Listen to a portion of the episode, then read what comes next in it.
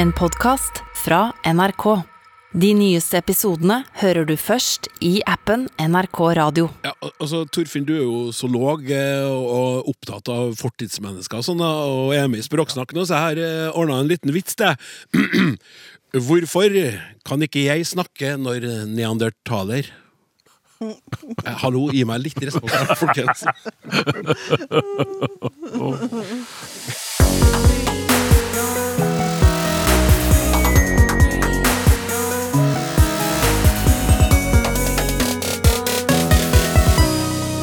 Har du tenkt på småord forsvinner? Kan noen vennligst forklare hva som er vitsen med vennligst? Hvor viktig er kroppsspråk når vi snakker sammen? Og når var det egentlig vi begynte å snakke sammen? Vi skal også innom noen tilbakemeldinger på tidligere spørsmål. Dem tar programlederen Einert. Men til å svare på alt det andre har følgende trio funnet veien til Studio 13. Zoolog Torfinn Ørmen fra Oslo Metropolitan University, Storbyuniversitetet i Oslo, og språkforskerne Kristin Melum Eide og Stian Hårstad, som begge holdt til ved Institutt for språk og litteratur på NTNU i Trondheim. Velkommen skal ikke være alle tre.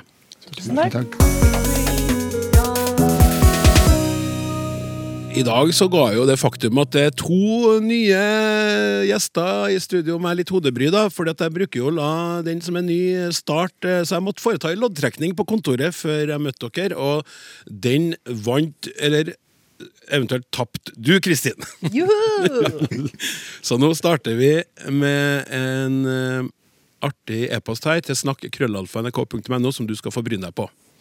Eh, det handler da om Og vi skal ikke, ikke ut etter innholdet i selve saken, som handler om eh, virkesjefen som går av etter VG-avsløring. Men i den saken her så står det eh, Ivar Horneland Christensen, administrerende direktør i Virke, går av. Det gjør han etter VG tidligere denne uken publiserte en sak om konflikt, varsler og lederflukt internt i Virke. Og så skriver innsender. I denne ingressen har VG kuttet ut at i en setning. Det gjør han etter VG tidligere. Der mener han at det skal være det gjør han eh, etter at VG tidligere. Senere i brødteksten er det samme mønster. Der står det Det skjer etter VG denne uken har publisert en artikkel. Det ser ikke ut som om de har glemt seg, men at det er konsekvent. Å kutte ut at sparer ikke noe særlig plass i ingressen, og heller ikke i saken som er lang. Hvorfor gjør VG dette? Hva tenker Språksnakkpanelet om fenomenet? Skriv Ian OK, eller OK, da. Eh, Det er et godt spørsmål. Der er det Fordi jeg har tenkt, når jeg har lest ingressen, at det var glemt av en natt. Ja. Men så gjentas denne måten å skrive på også i den såkalte brødteksten, som jeg lærte meg at det het da jeg jobba i Adresseavisa. Og dermed har vi jo et mønster. Da har vi et mønster. Ja. Og det mønsteret kunne ha vært mer generelt enn som så. Fordi at eh, det den her eh, eh, innsenderen spør òg om det her er Er det påvirkninger fra engelsk, sant? Og det kan man godt tenke seg at det var. Og for det at på engelsk så er det sånn at uh, man er ikke noe glad i å ha setninger etter preposisjoner, sånn som etter. Så når du skal oversette mellom engelsk og norsk, så er det sånn at når du har etter at, eller til å eller til at, så får ikke vi til det å oversette det direkte. Det, på norsk så er vi kjempeglade i å ha preposisjon, og så at eller å. På engelsk ikke. Sånn at uh, hvis at du på engelsk for eksempel skal si 'til tross for at', så må du ha 'in spite of the fact that'. Fordi at du må liksom beskytte den her 18 imot preposisjonen. og Det er for sterkt, rett og slett, for at og å på engelsk å ha preposisjon rett innpå seg. Men eh, på norsk så er setninga mye tøffere. De tåler godt å ha en preposisjon rett på. Så det kunne godt ha vært engelskpåvirkning. Her, her, det, kunne det kunne godt ha vært et mønster. Men når vi begynner å se ut gjennom denne teksten her, så ser vi det at det er ikke tilfellet. For den teksten som her eh, innsenderen har sendt, det er mye til å og til at og for at. Så det ser ikke ut som at det mønsteret er gjennomført. Sjøl om jeg er forferdelig glad for spørsmålet det er et interessant spørsmål. Så er det likevel sånn at eh, jeg tror det er sånn som den første magefølelsen din, Klaus, som du hadde, at det her er en miss. Det er bare en miss som er gjentatt to ganger. Ja. Og det tenker jeg, det kan du se litt på i den andre setninga du leste opp der. Så sier du etter VG har publisert denne uken. Det å høres rart liksom, Det ser ut som det er dårlig korrekturlest, rett og slett. Så i utgangspunktet så er det opphav til en kjempeinteressant spørsmålsstilling. Og likevel så er det sånn at i det tilfellet her, så tror jeg det er Det er rett og slett en miss. Ja. Fordi at du finner det ellers i teksten. Ja, det, det er ikke gjennomført. Det er bare akkurat i det her det samme setninga som er gjentatt to ganger. Så, så samtidig som ingeniør på et vis kanskje her tar feil, så har ingeniør rett. Ja. Det er interessant, da. Ja, det, du har observert et mønster, og det er interessant. Og så er det jo sånn at f.eks.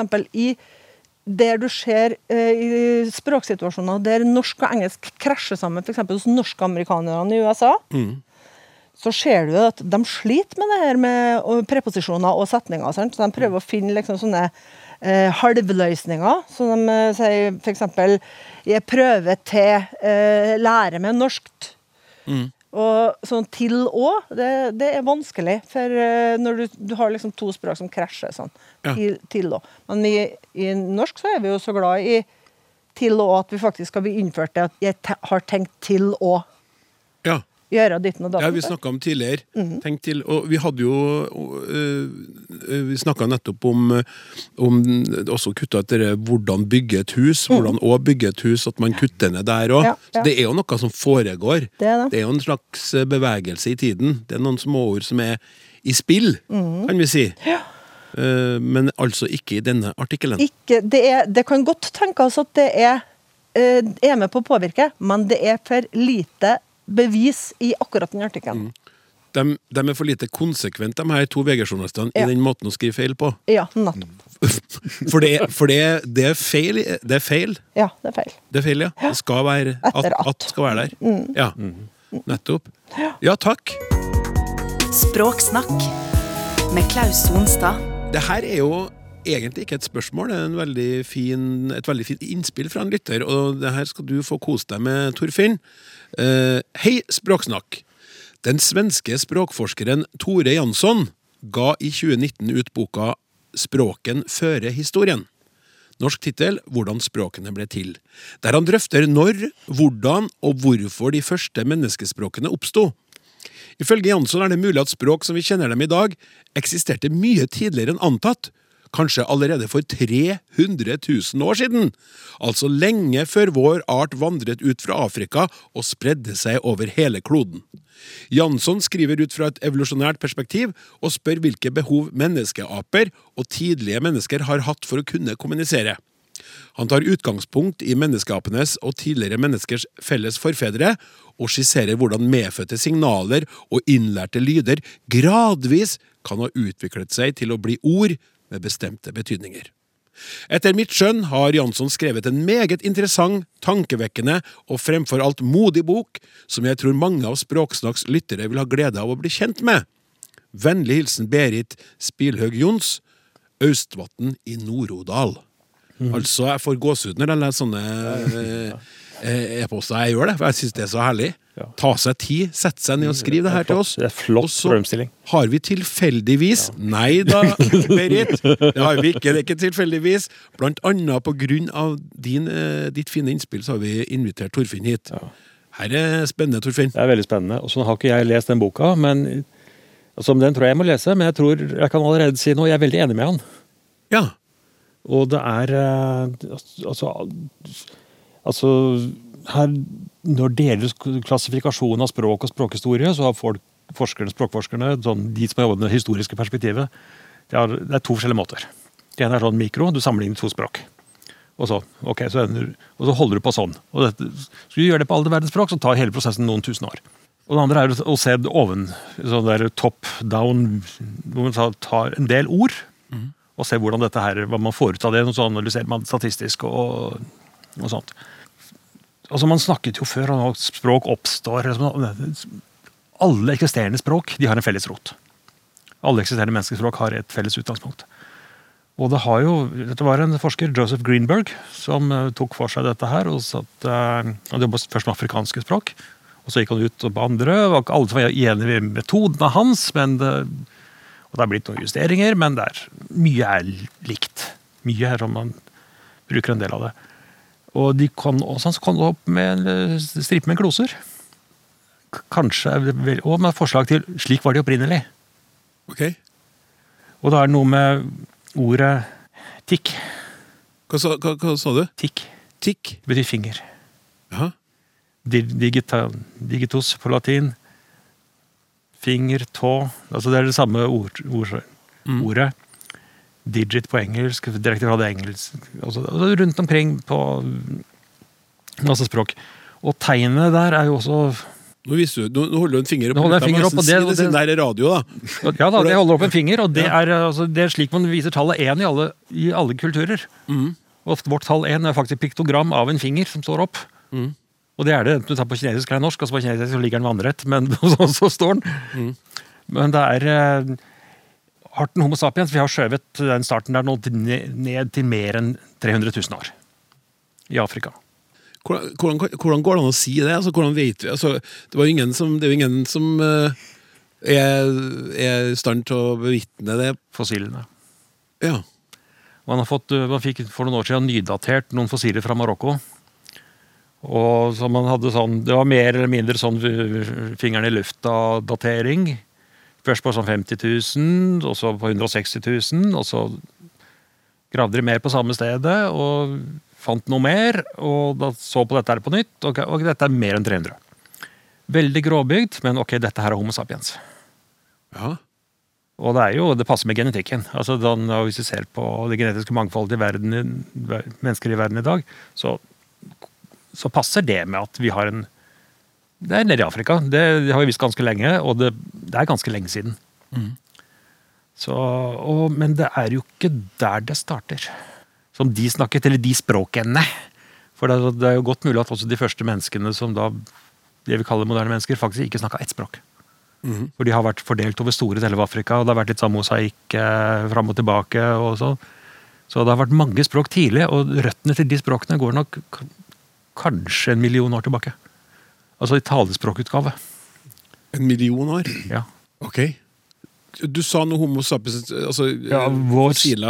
Ja. Det handler om, om at de her eh, skjelettene er fra mennesker som helt kunne artikulere lyder? Eller, det må jo være noe Ingen tvil. Ja. Altså, ser, altså Vi ser kraniet er Homo sapiens. Mm.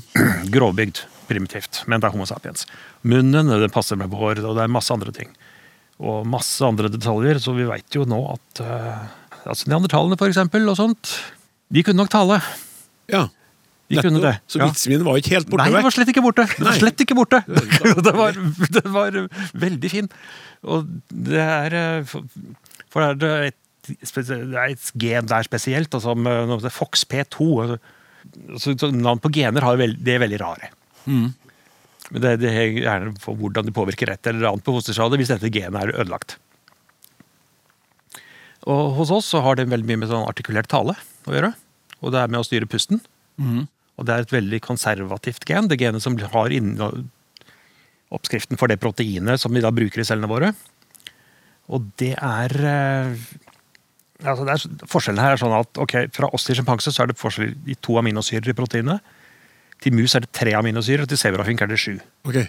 Så dette er fryktelig konservativt. Ødelegger du det mer, så bare dør, dør du. Og så mente man å se at den menneskelige utgaven av dette her var sånn bare 50 000 år gammel. Og så oppdaget man da at nei, neandertalene hadde nøyaktig samme utgaven. Som oss. Ja. Og det vil si at splitten her går i hvert fall en halv million år tilbake. Så det går mye lenger tilbake med språk enn vi har trodd, da. Ja. Ja. Er det noe som dere eh, kjenner igjen, dere to som sitter og hører på der?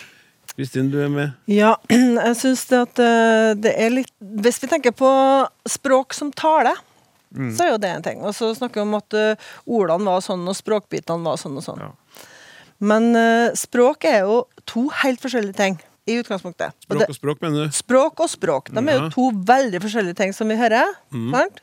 Det som du Torfinn, snakker om, Det det er jo det er utvendiggjøring av språket. sant? Ja. Det at vi tar språket og så transporterer det ut inn i øret til noen andre. Men språket har jo en eksistens i hjernen. Og når du snakker om FOX-P2, for eksempel, så er den her gensekvensen som trigger oppbygginga av, eh, av eh, språklige strukturer da, eh, i hjernen. Så du si en veldig viktig del av språket, det er evnen til å lage bilder hjernen til andre folk. Så du tar et bilde fra din egen hjerne, og så kjører du det på et sånn transportbyrå, f.eks. på et slags språktog, inn i, hjernen, gjennom øret i hjernen til den andre. Så da kan jeg liksom ha et bilde i hjernen min som jeg kan frakte over i hjernen din. Og Derfor så er det to forskjellige ting. For Det ene det, det er språkets evne til å bygge modeller i hjernen. Det er til innvortes bruk. Skjønner? Det kan vi gjøre helt for oss sjøl. Trenger ikke å snakke med noen. Vi kan eh, bare prate med oss sjøl, f.eks. Eller bare tenke. Og det andre det er den her eksternaliseringa av språk. Så det du, det du sier nå, er det at den neandertaleren som kunne tale, som eh, Torfinn snakker om, ja. hadde ikke et veldig rikt språk? Basert på en hjerne som var, var, sånn, var ikke så god til å lage bilder som en transportert med tog. Tog var vel også en ting som den gang var Det var vel noen sånne hjul de hadde slått ja. Jeg vet ikke, jeg, jeg kan ingenting. Det, men altså, var ikke, det var ikke det du mente nå? Nå misforstår. Eh, det, det som er, vi vet ikke hvor mye modeller de har evne til å lage modeller i Men man antar at Men la oss si at de har like god evne til å lage modeller i hjernen. Så er det likevel sånn at det å lage Det å transportere tanker ved hjelp av lyd, det er bare én måte å transportere tanker på. Ja. For eksempel, mm. tegnspråk og litt kroppsspråk. Ja, vi skal komme til- tilbake ja. til det. Det skal vi så absolutt gjøre. Altså. Men f.eks. for eksempel tegnspråk, det er sånn at uh, enormt mange eh, språksamfunn baserer seg på tegnspråk. Og tegnspråk er like nyansert, like finstilt og like egnet til å transportere tanker fra en hjerne til en annen. Det forstår jeg, men, men det som jeg lurer på nå, på vegne av meg sjøl, og kanskje også en lytter eller to, det er jo mer eh, hva det her betyr mm, med, med tanke på den neandertaleren, som man da ser at har sånn kranie ligner, gjerne sannsynligvis s- s- snakker neandertaleren. Vi har jo i mang en film, tegnefilm og film, sett sånn Det er stort sett det de driver med. de grynter og styrer. Ja. Kan vi nå se for oss at de hadde litt mer nyanse? Ja, absolutt. Ja? Men også tegnspråk er veldig viktig her. Og, det, og de hadde i hvert fall like mye kroppsspråk og tegnspråk som vi bruker. For vi bruker jo tegnspråk som en del av vår, vår vanlige tale. Og det er ingenting Ok, de neandertalerne kunne ikke si de samme lydene som oss. Fordi munnen er formet annerledes. Ja. Altså, de har, altså det, det skjedde noe rart noe med neandertalerne. For de har altså et mer avvikende taleapparat skal vi si, med munnen osv. enn det forfedrene deres hadde. For Det skjedde en sånn remodellering av fjeset, liksom, hvor de fikk mer framskutte kjever. og litt sånn. De brukte kjevene til litt andre ting. sånn Gripe tak i ting og dra og, og, dra og skjære og bruke, tenn, bruke munnen som en tredje hånd. liksom. Så det- fjeset ble remodellert. Og så fikk de en flatere gane enn eh, det forfedrene hadde. og så for Forfedrene hadde ganske buet høy gane, akkurat som det vi har. Vi har da liksom, kanskje enda mer. Det forhindrer en eh, masse konsonanter. For det, vi lager konsonantene ved hvordan vi setter tunga rundt i munnen. Og det er sånn, eh, sånne ganelyder. G, K, alle de der sånn ting som vi lager bak i munnen, og så kunne de sannsynligvis ikke lage. Det er de, de konsonantene vi kan regne med, som helt For de sikkert var flatgana, som vi Ja, flatgana. plutselig har begynt å kalle det her i studio nå. Det kan du ta med deg hjem, Torfinn. Ja, det, det var et fint ord. Flatganet, disse Ja, de, de, de er så flatganete, disse her. ja. Ja. Men eh, det de i hvert fall kunne lage, var leppelydene. Ja. P, B, de der som de bare lager ved å, p, p, ved å smekke ved leppa. Og M hører også hjemme der. Så de kunne de i hvert fall lage. Og så er det noe med den flate underside av skallen. Bak, bak ansiktet så har vi et rom. Bak underansiktet. Så når han, over strupehodet. Og det, det bruker vi til å lage vokalene våre. Og neandertalerne er flate der. Det er hvor vi er buet. Der også. Så det er sånn, ok, Noe må ha vært forskjellig, og så er man totalt uenige om hvor satt strupehodet. Om de er satt langt nede hos voksne, slik det gjør hos oss, eller om de satt høyt oppe. For Hvis de satt høyt oppe, så vil det påvirke veldig hvilke lyder de kunne lage. Og vokalene deres altså, ok, Glem det- store vokalspennet som vi har. Det kunne de ikke lage. Men ok, etter alt å dømme en god evne til å tale ut. Ja. Altså Hullmann Grock kan du bare glemme. Hadde Ja. et bub. ja. Og gjerne nasalt. For Ja. de hadde jo svær nese, så de brukt, kan ha brukt den som uh, resonansrom i stedet. For det Og litt der lysere stemme, eller? lysere stemme, Ah. og med en uh, stor brystkasse som ligger bak. Så lyden av neandertaler var noe helt annet enn folk som lever i dag. Altså, det der er jo totalt brudd med alt man har tenkt med det gryntinga. Det Altså, mørker det. og så det sånn Hei sann, sveisann! Ja, men med- Reidar, kom bort inn! Jeg har funnet noe rart Er Det noe helt rundt som kan trille! ja, men med mer boost. Ja, nettopp. I tillegg. Just, ja. sånn, sånn, helt annerledes av vi altså, Det er ikke noen tvil i min, etter min mening om at de, de kunne snakke. Ja. Og vi har sett, altså, Tungebeinet er jo en sak som eh, Det er den eneste knokkelen vi har som ikke henger sammen med resten av skjelettet. Det sitter mellom tunga og strupehodet. Altså, en del fortidsmennesker hadde annen type tungebein enn det vi har. De hadde samme, tunge, samme type tungebein som sjimpanser. Neandertalerne hadde akkurat samme som oss.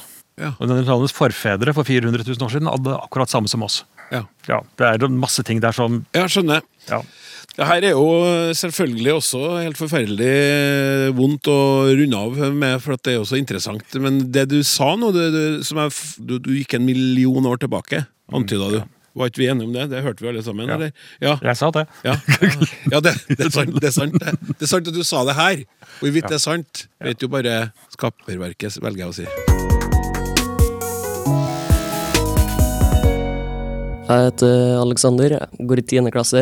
Mitt favorittord er kis, fordi at jeg bruker det mye. Om eh, vennene mine, kanskje. Og eh, mye annet. Folk jeg ikke kjenner òg. Litt sånn deilig å si det, sånn bra flyt i ordet. Språksnakk med Klaus Sonstad. Ja, eh, vi skal ikke begynne å prøve å spekulere på om eh, neandertaleren kunne uttale den L-en, Stian. Men kom inn en eh, e-post her til snakk krøllalfa.nrk.no som starter sånn. Noen ting er ikke lett å forutse. Blant annet at Østfold-L-en skulle pre spre seg som ild i tørt gra- gras. Men jeg har på følelsen at det er en stor hovedvekt av jenter som bruker den. Enten prater jenter mer, eller så prater jeg mer med jenter, men stort sett er det jenter som bruker den? Spørsmålstegn. Jeg har hørt noen veldig få gutter bruke den, men det er veldig sjeldent. Hilsen Tore Johan Bakke, Våle. Og jeg prøvde jo meg i sted på den her eh, L-en. Snill, ball, ball. Hvis jeg sier snill først, snill er noe sånt med sånn tynn L. L- Ball, ball, da får du ball. Her har du en ball. Det er litt der, Stian. Ball, ja. Ja. Eh, L er jo et utmerket eksempel på det som Torfinn var inne på nå, med hva du skal flytte rundt på tunga i munnen. Og det skal ikke så mye til før du avviker nok til at du merker at det her er noe annet. Alle kan prøve det her, kanskje ikke akkurat nå, da kan høre ferdig, men sett dere en plass og, og flytt L, L litt rundt i munnen, så merker du hva L-en har av uh, nyanser. Ikke ut blant folk, det kan bli rart det òg, men finn en mørk krok. For mange norske talemål har andre l-er. Det her må jeg si er et, et lokalt fenomen i det her med Østfold-l-ens utbredelse. Men det er jo et eh, lokalsamfunn som er relativt viktig, og det er Oslo, så det er derfor det her får så mye plass. Men det er mange andre utviklinger i l-lyd rundt omkring. Du sa jo ball på et sånn trøndersk-nordnorsk vis. Det er jo én utvikling, og så er tjukk L, øl, sol. Det har skjedd med L-en. Så L-en har flytta seg rundt omkring i munnen i lang tid. Og det gjelder det her òg, som da et i hovedsak østnorsk fenomen. eh, Der da én sånn liten nyanse har begynt å flytte på seg. Og det blir oppfatta som en nyhet. Men det har egentlig foregått ja, Ernst Haakon Jahr mener at det har i hvert fall tatt 100 år at eh, den endringa driver og skjer. Og det som kanskje ikke mange i Oslo vet, er at de har den lyden sjøl først i ord, blant annet. Hvis du prøver å si linje, linje, så er den L-en faktisk ganske likt artikulert som i ball i Østfold. Linje. Ball. Stemmer. Ja. Ball. ball. Og dermed, Du sa det sånn mer sånn nordnorsk. Ja, nå når du sier ball, sånn Ja, ball, som, du, ja, er, ja, sånn ball, som ja, jeg, du ville ha sagt. ball. Men det utgangspunktet Linje. der er jo en, det er jo bare grader av forflytning av tunga. Ball. Og det tunga som er det er jo det mest flyttbare inni munnen vår. Tunga er jo sjølsagt helt avgjørende. Tunga danser eller i min munn. Ja, og Ellen viser jo nettopp det at du, det skal ikke så mye til før du merker at det er Lena, Lena, Lena, Lena. Altså det er, betyr jo ikke så mye forskjellig, men du merker at det er noen små millimeter der som eh, betyr noe. Ja. Men det som har skjedd da i, i ja, Oslo-området, for det er ikke bare Oslo kanskje, er at den lyden, som da faktisk har funtes lang tid først ord, blant annet, linje, den blir også nå brukt i den posisjonen bak bakre vokaler.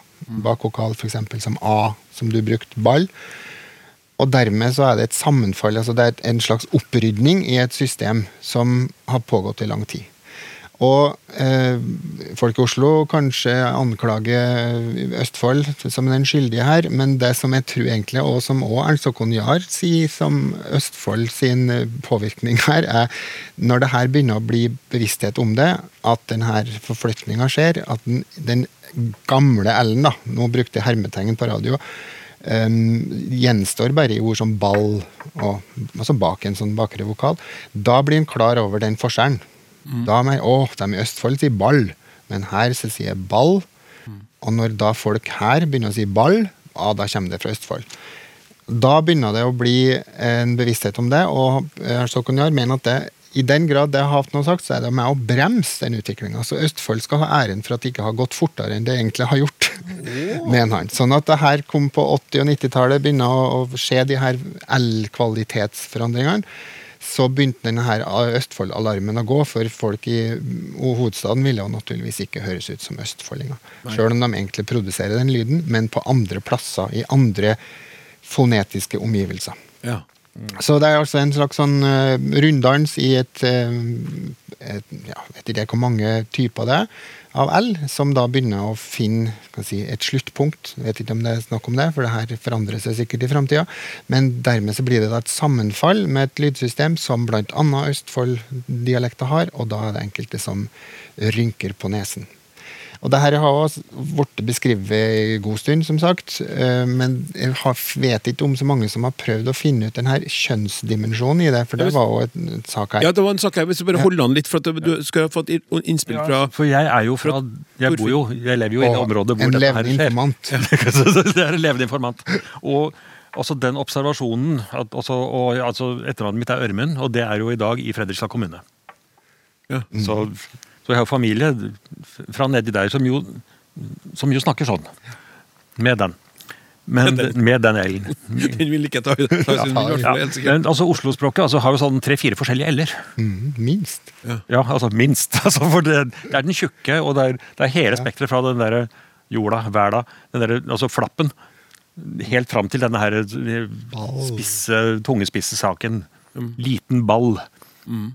Liten ball i verda. Der hadde jeg tre forskjellige. Er, og har, det, er i hvert fall én til, hvis ikke mer. Og altså, den er veldig hørbar. Altså, for det som skjer er at I stedet for å bruke det der spekteret med l-er, som egentlig ligger i Oslo-området-dialektene, så bruker de bare én. Ja. Det er jo egentlig det som skjer. Ja. Det er ikke det at de kopierer bevisst Østfold. Selv om Østfold er veldig sjarmerende. Men Ok. Ja, bra. Men tilbake til spørsmålet til Tore Johan. Det som han var mest opptatt av, var jo det kjønnsmessige. Han mener at jenter bruker det mm. i hans ører og øyne mye mer, i mye større utstrekning enn gutta det kan eh, godt hende han har en omgangskrets som at det stemmer for. Men det, den eneste undersøkelsen som har prøvd å, å sortere det her, Bente Eileen Svendsen, som er språkforsker i Oslo, har prøvd. Og da hun gjorde det sånn rundt 2010, så fant ikke hun noe sånn tydelig mønster. Da så hun på da Oslo unge osloensere og deres bruk, og det var sprika ganske mye. Det var tydelige nokså individuelle forskjeller òg. Altså den enkelte kunne variere, og det viser også fonetiske målinger at tunga vår beveger seg på litt forskjellig vis hos den enkelte, faktisk òg. Så hun klarte ikke å se noe sånn mønster. Det var likt, og det var geografisk ganske spredt. Det var ikke noen sånne tydelige tendenser i det materialet hun så på. Og jeg vet ikke om noe ferskere, men det skulle jo være interessant å, å gjort, for det er jo ikke utrolig at det blir en kjønnsdimensjon etter hvert. Det vet jeg så fra andre fenomen, om språkvariasjon henger sammen med ja, kjønnsforskjeller eller mm. sånne mønster. Men det vet jeg altså ikke om fra, fra Oslo i vår tid. Kristin? Ja, det er jo en uh, utbredt oppfatning at uh, Han spør jo om at kanskje det er at uh, damer snakker mer. Ja, det var antyda her, ja. ja. Og det er jo det er ganske utbredt oppfatning. Det er ganske mye undersøkelser som tyder på at det er ikke tilfellet, men vi tror det. Ja. Så, så, det virker som at damer gjør mer av seg når de først snakker. Kan jeg ta så bevise det her, da? Ja. At det, man, når man først tar ordet, så gjør man veldig mye av seg. Eh, Men eh, i, eh, eh, i de undersøkelsene som finnes, så er det ikke noe som tyder på det. Men jeg kan si at det er såpass utbredt oppfatning her at eh, vi hadde en språkforsker på besøk eh, hos oss på vårt institutt. Som eh, fikk det spørsmålet om, eh, om det faktisk er tilfellet. Hva det kommer av at unge vet at unger så Der er det en kjønnsforskjell. Så veldig ofte så er jenter tidligere til å prate enn gutter. Å ja. Altså, begynner, altså Jenter starter tidligere å prate sånn når de er bi- bitte små? Ja, små, når de er bitte små. Ja. Så de begynner, å ut, de begynner å snakke tidligere. Ikke at de kanskje skjønner tidligere, men de begynner å snakke tidligere. Tar i bruk språket. Og Da fikk han spørsmål om det, og så hadde han ikke noe godt svar på det. Det er en hjerneforsker som forsker på eh, språk i hjernen, og han hadde ikke noe godt svar på hvorfor eh, jenter snakker tidligere. Men han sa det stemmer nok at de begynner tidligere å prate, men til gjengjeld så slutter de aldri. Det er, det er damene der. Ja, nettopp. Eh, vil, du ville vel si noe mer, du nå? Nei, det, det er bare at det er oppfatning. sant? Det er en stereotypi, det er oppfatning, og det, undersøkelsene tyder ikke på at det har så mye for seg, men det er ganske artig. Ja, det er litt sånn som innsender, ikke sant? En oppfatning som uten kanskje faglig forankring. Kort, eh, Torfinn. Ja, for altså, det kan jo henge sammen med at uh, jentespedbarn er generelt er litt sterkere og tøffere enn guttespedbarn. Åh, Vi blir jo født for det flertallet gutter. Når vi kommer til voksen alder, så er det flertall jenter. ja, Fordi flere av guttene dør. ja. Og det henger jo sammen med at vi har eh, bare ett X-kromosom, så hvis det er noe gærent med et gen der sånn, så, så har, vi, har, har vi trøbbel. Jentene har to. Akkurat. Så jentene har en genetisk forskjell der sånn. De er generelt, Småjenter er generelt sunnere og friskere enn, og sannsynligvis og sterkere og alt mulig enn smågutter. Der er sånne innspill som eh, er fin å få fra zoologen. Bra. Jeg tror vi skal si at eh, den runder av eh, svaret på det her spørsmålet.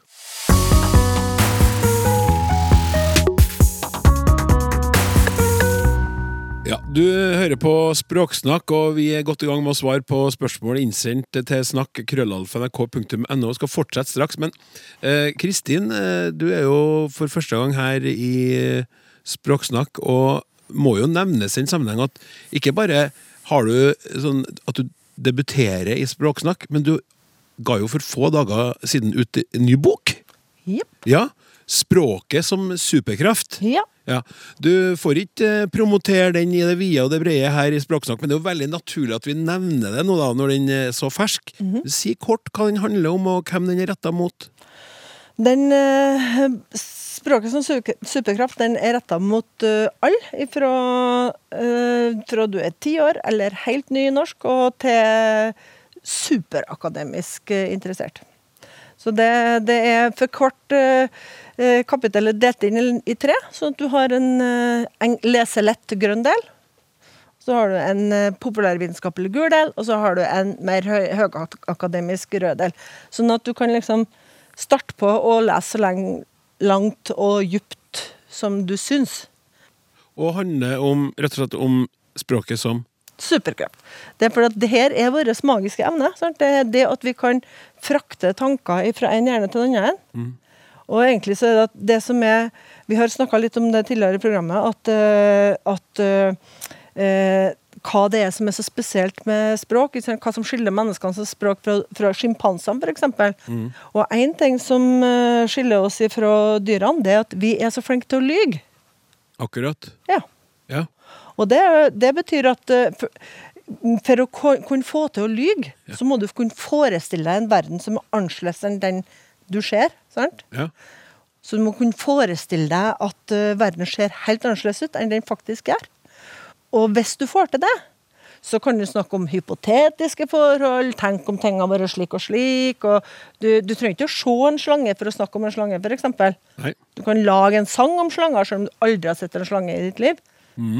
Men uh, først og fremst så handler det om at når vi er så flinke til å forestille oss ting, og vi bygger modeller ved hjelp av språket, så kan vi frakte de her modellene, sann eller usann, over i hjernen til den andre. Og Det er det som er vår magiske superkraft. Bra, eller supert. Takk. Nå skal du få bryne deg på et innspill her. Dette er en ganske lang e-post. Jeg skal prøve å lese eh, mesteparten av den. Eh, eh, eh, mye av fundamentet for et sånt program som ber om eh, innspill fra lytterne, handler jo om at folk irriterer seg over ting. Eh, og det, det kjenner jeg jo på sjøl. Jeg skal ikke begynne å nevne noe på radioen, for jeg vet jo at jeg har familie som hører på programmet. For da vil de skjønne at jeg irriterer meg over dem. men, eh, men sånn er det. Og jeg er sikker på at noen som hører på, irriterer seg over måten jeg sier ting på. Sånn er det. Eh, og så noen ganger så er det bare en irritasjon som egentlig ikke får eh, fotfeste i språkforsker- eller gjestepanelet. Og andre ganger så treffer innsender fullstendig og får full støtte. Og midt imellom. Hei! I serien Ord og uttrykk ein irriterer seg over, her er et av mine, ordet vennligst. Vennlig, vennligst har ikke noe mening, meningsinnhold. Det er et fyllmasseord eller støytputteord. Jeg tror gjerne det kan ha hatt som funksjon å skulle, skulle dempa sjokket for leseren og lese teksten. Men jeg tror at det nå mest er et ord en slenger med i farten. På engelsk sier de 'please' i annenhver setning, og det kan ha smitta over på norsk, sjøl om det er en litt annen ordbruk. Ordet 'vennligast' er like ille, men jeg holder meg til bokmålsordet i det følgende, bare for å understreke hvor gale det er. La oss ta, la oss ta oversk overskrifter. Noen ganger har folk brukt 'vennligst' som overskrift på et skilt eller en plakat i store, feite bokstaver. Dette er jo helt innholdsløs, og dette er jo ei helt innholdsløs og uinteressant overskrift, som på ingen måte lokker til å lese videre nedover. Under kan det stå, altså under 'vennligst', sitt ned og vent til du blir ropt opp. Vennligst, ikke snakk i mobiltelefonen i dette området, eller vennligst, fyll ut skjemaet før du går om bord, eller andre meldinger som kunne være greie å få med seg. Men dette ser en ikke når det som lyser mot deg, er innkjeseiende. Det er først etter en har sotet lenge og kjeda seg, og mobilen ikke har mer å by på, at en bør lese nøyere det som er klistra opp på veggene. Og så kommer det en uh, interessant del her som handler om uh, det at vennligst blir brukt som ban bannord. En sier slikt som 'vennligst et opp maten din, ellers blir det husarrest ei veka'. Og 'vennligst betal for varene du tok, ellers prakka meg med politiet på deg'. En kunne like gjerne sagt 'for betal', og så bortetter. Og så går vi videre til slutten. En teori kan være at når folk har problemer med å formulere seg i ei sak, tar de sats med ordet vennligst for å sparke i gang formuleringa. En starter med vennligst og tar det derifra. Dette kan være en smart teknikk, smart teknikk, men for min del må folk gjerne lese over teksten sin etterpå og luke vekk at startordet. Jeg lurer på om stat og kommuner som arbeider med klarspråk, har regler for bruk av vennligst, eller kanskje går reglene mer ut på at folk tenker gjennom innholdet i det de skriver? Det må vel kunne gå an å si ting på en vennlig måte, framfor å bruke ordet vennligst. Hilsen Marit Næss. Kristin, Ja. kan du vennligst prøve å gi meg et svar på det her?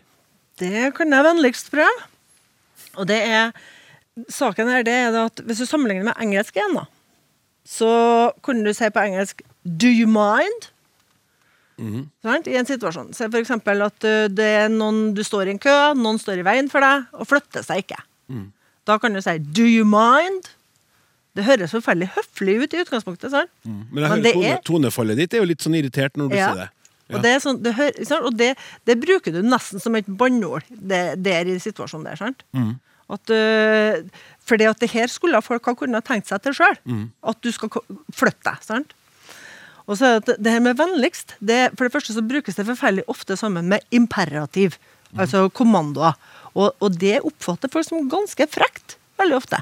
Vi liker å omskrive med et spørsmål kunne du flytte deg, eller, eller har det vært mulig for deg å flytte deg? Mm. Men eh, når du bruker imperativ 'flytt deg', så høres det forferdelig strengt ut. sant? Det høres frekt ut for veldig mange. Og så, sånn at Det at vennligst opptrer veldig ofte sammen med imperativ, det gjør at det smetter over på betydninga til det. sant? Ja. Så det er én ting. Og så en annen ting er det at du kan tenke på Hvis du får en e-post fra en eh, lytter du nå, som skriver inn, og så sier det at Eller om du får en e-post fra en student, skriver at 'vennligst ta opp det her temaet i neste språksnakk'. Da vil du reagere ganske negativt, sant? Og det er fordi at du kan ikke egentlig bruke 'vennligst' uten at du samtidig signaliserer at du har autoritet til å spørre. Nettopp. Så Derfor reagerer du negativt på det hvis en lytter skriver og sier 'vennligst ta opp det her temaet'. For det virker nesten som en ordre. Det høres ut som en ordre, Ja. og det kjennes ut som at han har rett til å bestemme over deg. sant? Ja. Og det har han jo ikke. Nei. Sant? Sånn at eh, når du, når du, så det er liksom to ting. Det ene er at vennligst er ja, overflødig, for det at eh, folk kan tenke seg til det sjøl. Men det andre tilfellet det er det at, eh, det er at det uttrykker en autoritet som kanskje folk ikke har, og derfor reagerer vi negativt. Det er ikke nødvendig. Du har ikke noen autoritet over meg. sant? Så Derfor så er det to, to årsaker til at det der oppfattes som ganske negativt for folk. Men så innsender får oss støtte? Full støtte, bortsett fra det at det her er At det brukes som et banneord. Det er litt sånn Ja, da må du, da må du til med trøkk og, og, og tonefall og sånn, og kontekst i tillegg. Men det at, det at man oppfatter det negativt, det er, det er ikke egentlig så merkelig. Sant? Nei. Stian? Jeg vil jo si, I, i muntlig språk er det jo bortimot ubrukelig. For der blir det, altså I den grad det går an å bruke det med den opprinnelige betydninga vennligst, da er det i sånne kommandoer sånn vennligst, hold avstand eller sånne ting. Skriftlig, på skilt eller sånne ting. Men å ta det i sin munn, det jo, da betyr det jo uvennligst, da. Altså Så fort du har inn vennligst, så er det jo nettopp en sånn åh, jeg skal beordre Det er ganske ufint. Ja. Og kanskje det er det som har blitt hovedfunksjonen, så da er det jo ikke overflødig. Det er bare litt sånn ja, akutt eh, mening, eller betydningsendring. ja. Jeg ser for meg en setning uh, Skal ikke si hvorfor jeg kom på den, men det er sånn Åh, kan du vennligst ta og holde kjeft nå? Ja, nettopp. Da er det ikke noe mye vennlighet i vennligst. Så den, er, den, den ligger jo der lytteren mener. Ja. Men som et rent banneord i seg sjøl, det er litt vanskelig å, å forankre det som. Og der tar jeg utrolig feil, da, men det får bli spørsmål til en annen gang. Skriver den jo sjøl. Eller hun sjøl. Ja? Men det er én ting, da, og det som jeg har lyst til å si, det får han ikke rett i. Og det er det at, øh, at det er brukt som et fyllord, at det er et unødvendig ord. Det fins egentlig ikke unødvendige ord. sant? Nei. Alle ord brukes i en eller annen bestemt eh, hensikt, og så om vi treffer, da, det er en annen sak. Men det at, det, at det finnes sånn unødvendige ord og fyllord, det er eh, Vi bruker jo ord for å skape en reaksjon, og du så jo den her lytteren reagerte. Ja. Fint. Og om du nå som hører på, har eh, eh, noen tanker om det her, vennligst Nei. Vær så vennlig Vær så vennlig og skriv inn til snakk krøllalfa nrk.no. Jeg heter Helena, og jeg har favorittord som er glasur. Fordi det er glad og sur, og så er det også sukkersøtt. Så det er liksom ordspill og mat og glede og følelser i samme ord. Og så er det et kort, lett ord å si.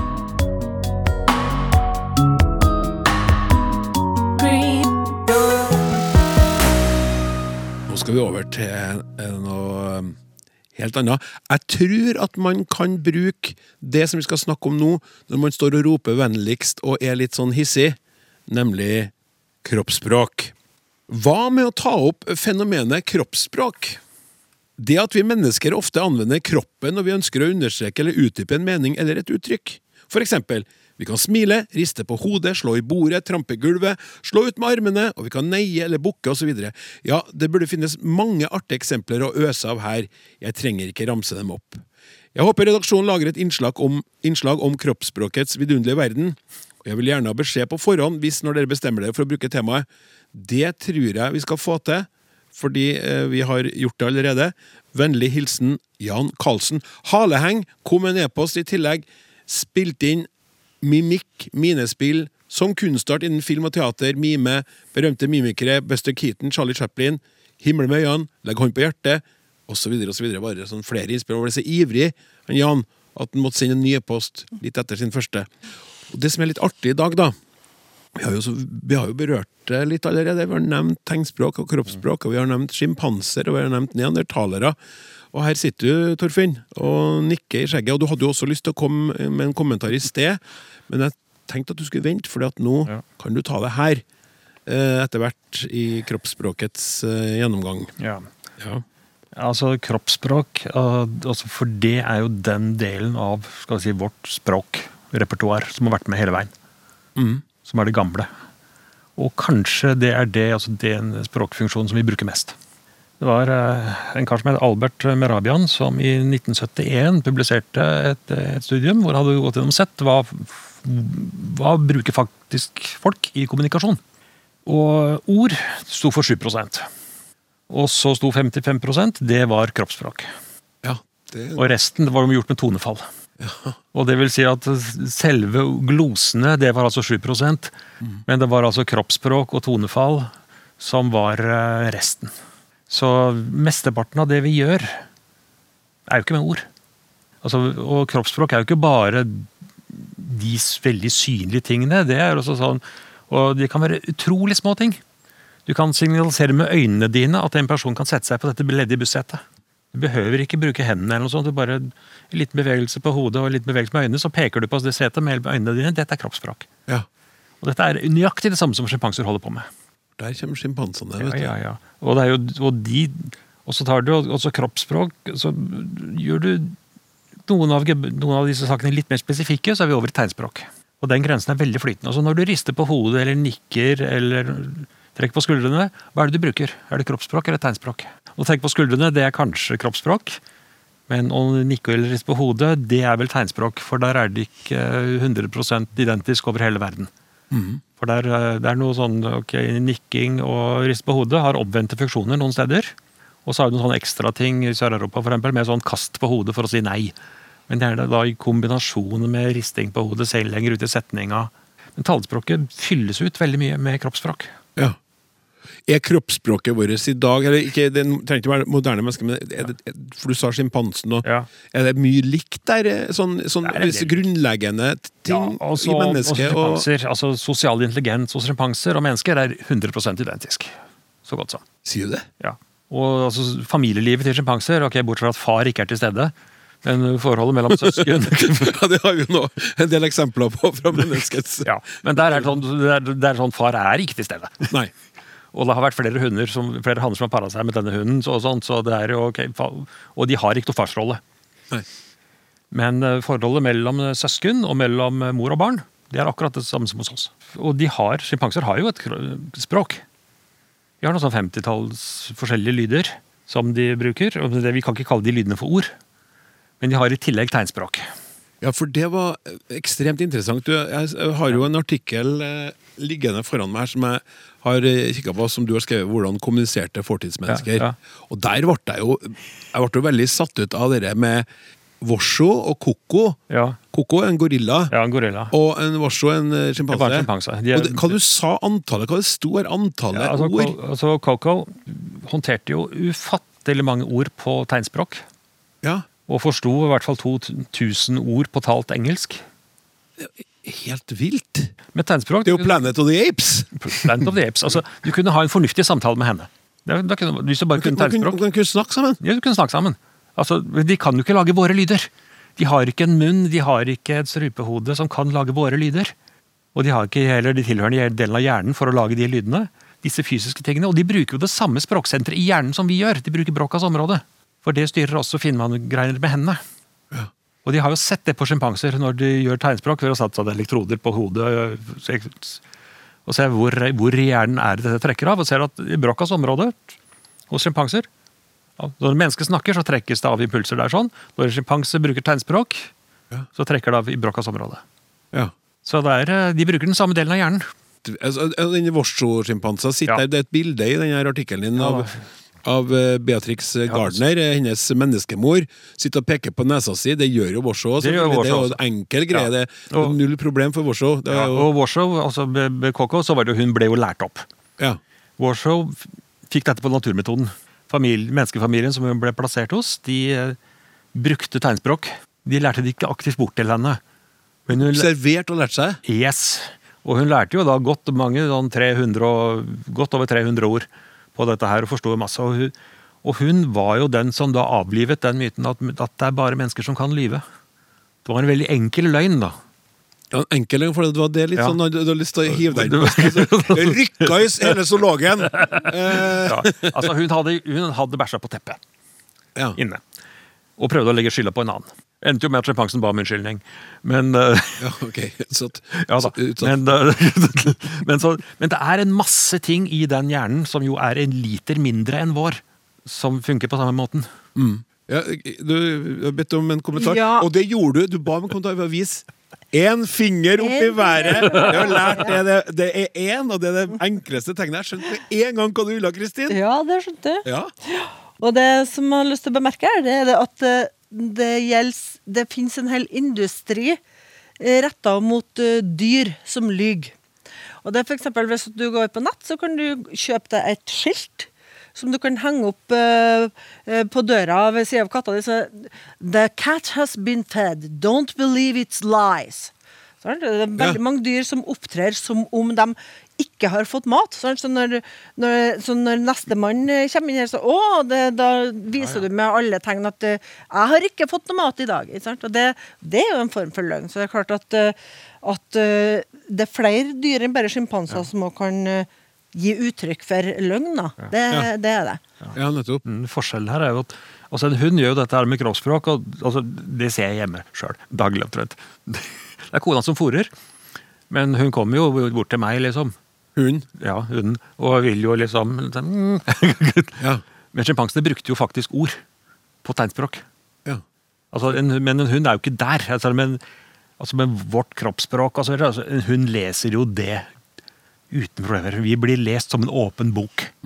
Og vi klarer jo ikke å lese dem på samme måten, men de har inside information altså om hvordan vi funker. På, jeg har nylig vært med på å skrive en artikkel som uh, vi kaller oss for Crazy Cat Ladies. Om eh, katter. Hvordan de kommuniserer med det vi kaller for eierne deres. Crazy cat ladies. Crazy Cat Ladies. Og vi har bl.a. filma min katt ganske mye om hvordan hun viser at hun vil ut, f.eks. Sant? Og, og det er jo det som eh, du snakka om i stad, med, med blikket. Sant? At du bruker blikket for å vise. Men du bruker òg kroppsspråk for å vise at nå er du på rett spor. Nå, nå, nå prøver jeg å fortelle her hva det er jeg ønsker. Sant? Nå, Ja. Nå, du bekrefter da at det er det du vil. Nå, nå beveger du deg mot døra, nå tar du i håndtaket. Nå, ja, her er rett. Så det betyr at du, kan jo De kan jo kommunisere med hva de ønsker, hva de vil. Sant? Ja, Men hvis vi drar det tilbake til sjimpansene og oss, da. Så, så kroppsspråket har, så, Og det som jeg syns er litt fascinerende når vi er i et språkprogram, det er jo at som vi mennesker snakker, sånn kroppsspråk snakker vi også veldig forskjellig. En italiener kroppsspråk snakker jo helt annerledes enn en nordmann. Eh, og da er det nesten som at for en person som da ikke er hørende, eller som står, så må jo italieneren rope. Mens eh, nordmannen hvisker på et vis. Det syns jeg er veldig spennende. Eh, Stian, eh, var det, var det et tegn? Ja, det, var, det- det var en finger som var opp veldig kort. Og litt Ja. svak finger. Nei, men Det er jo et strålende eksempel på kroppsspråk på liksom det spekter fra noe som du føler er helt universelt, fordi at alle har, eller de fleste mennesker har en finger å bruke, alle har skuldre å trekke på. og Det er mye som er sånn, det er kropp, fordi at er likheter og kan tenkes og brukes da til å uttrykke ting. Men samtidig så finner jo mange, som Torfinn var inne på allerede, eksempel på at det her er opplagt kulturelt betinga. At du bruker dem, og det, du skal trekke på hvilken som helst måte, du skal flytte hodet, ja, og nikking som kan bety forskjellige ting. Tunga ut betyr ganske forskjellige ting i verden osv. Men alle har tunge, så du har et potensial til å bruke kroppen, men det er da et spekter. Og det må jeg nå si da på, på vegne av sånne som jeg og Kristin og andre språkforskere, så har så vært ganske ensidig med å holde på med verbalspråk, og latt det her egentlig bare ligge utafor. Og den her Crazy Cat Lady-gjengen er jo et eksempel på en ganske nylig trend med å til og med vurdere at mm, dyr og forholdet mellom dyr og menneske òg er språk og språkforsking. En voldsomt stor andel av det som handler om språkforsking, er verbalspråk, og dermed så ser du jo bort fra utrolig mange sånne deler av det som har med kropp utover hjerne og, og munn. da. Ja. Det er, som er interessant her nå, når vi sammenligner verbalspråk og kroppsspråk, så er det sånn at uh, når vi sitter i en samtale, så kan du egentlig observere ut ifra kroppsspråket om folk liker hverandre eller ikke. sant? For da vil det opptre det som kalles for speiling. Så Psykologer og sosiologer har jo forska en del på det her. Sånn at kroppsspråket ditt blir mer og mer likt når du sitter og prater med, eh, med noen andre som du liker. Sant? så hvis du, to personer sitter og prater, så, så vil du se på kroppsspråket deres om de kopierer hverandre da, ganske ubevisst. Og Det er et uttrykk for sympati. Men det skjer òg med vokabular og ordet og måten man ordlegger seg på. sant? både dialekt og språkvalg, eh, ordvalg, alt det her òg er med i denne samme typen speiling. Etteraping kan vi også kalle det. Og da er vi tilbake til eh, Da er vi tilbake til apene. Apene og kroppen. Helt sånn kort til slutt, altså, hvor, hvor viktig altså sånn for, for en, eh, en sjimpanse eller en gorilla Du sa jo tegnspråk, de behersker jo tegnspråk og, og kan kommunisere. Og Mm. Er gjennom alt det vi har funnet der, mye smartere enn vi kanskje i utgangspunktet trodde. Bruker de kroppsspråket også til å kommunisere med mennesker når de har interaksjon de er i forbindelse med mennesker, så bruker de jo det. Men, de, også, men også, de driver også med dette her å ape og hermer. Så de lærer av oss hvordan vi gjør det, og de skjønner at vi bruker kropp, denne kroppsspråkgreia til å, til å mene sånn og sånn.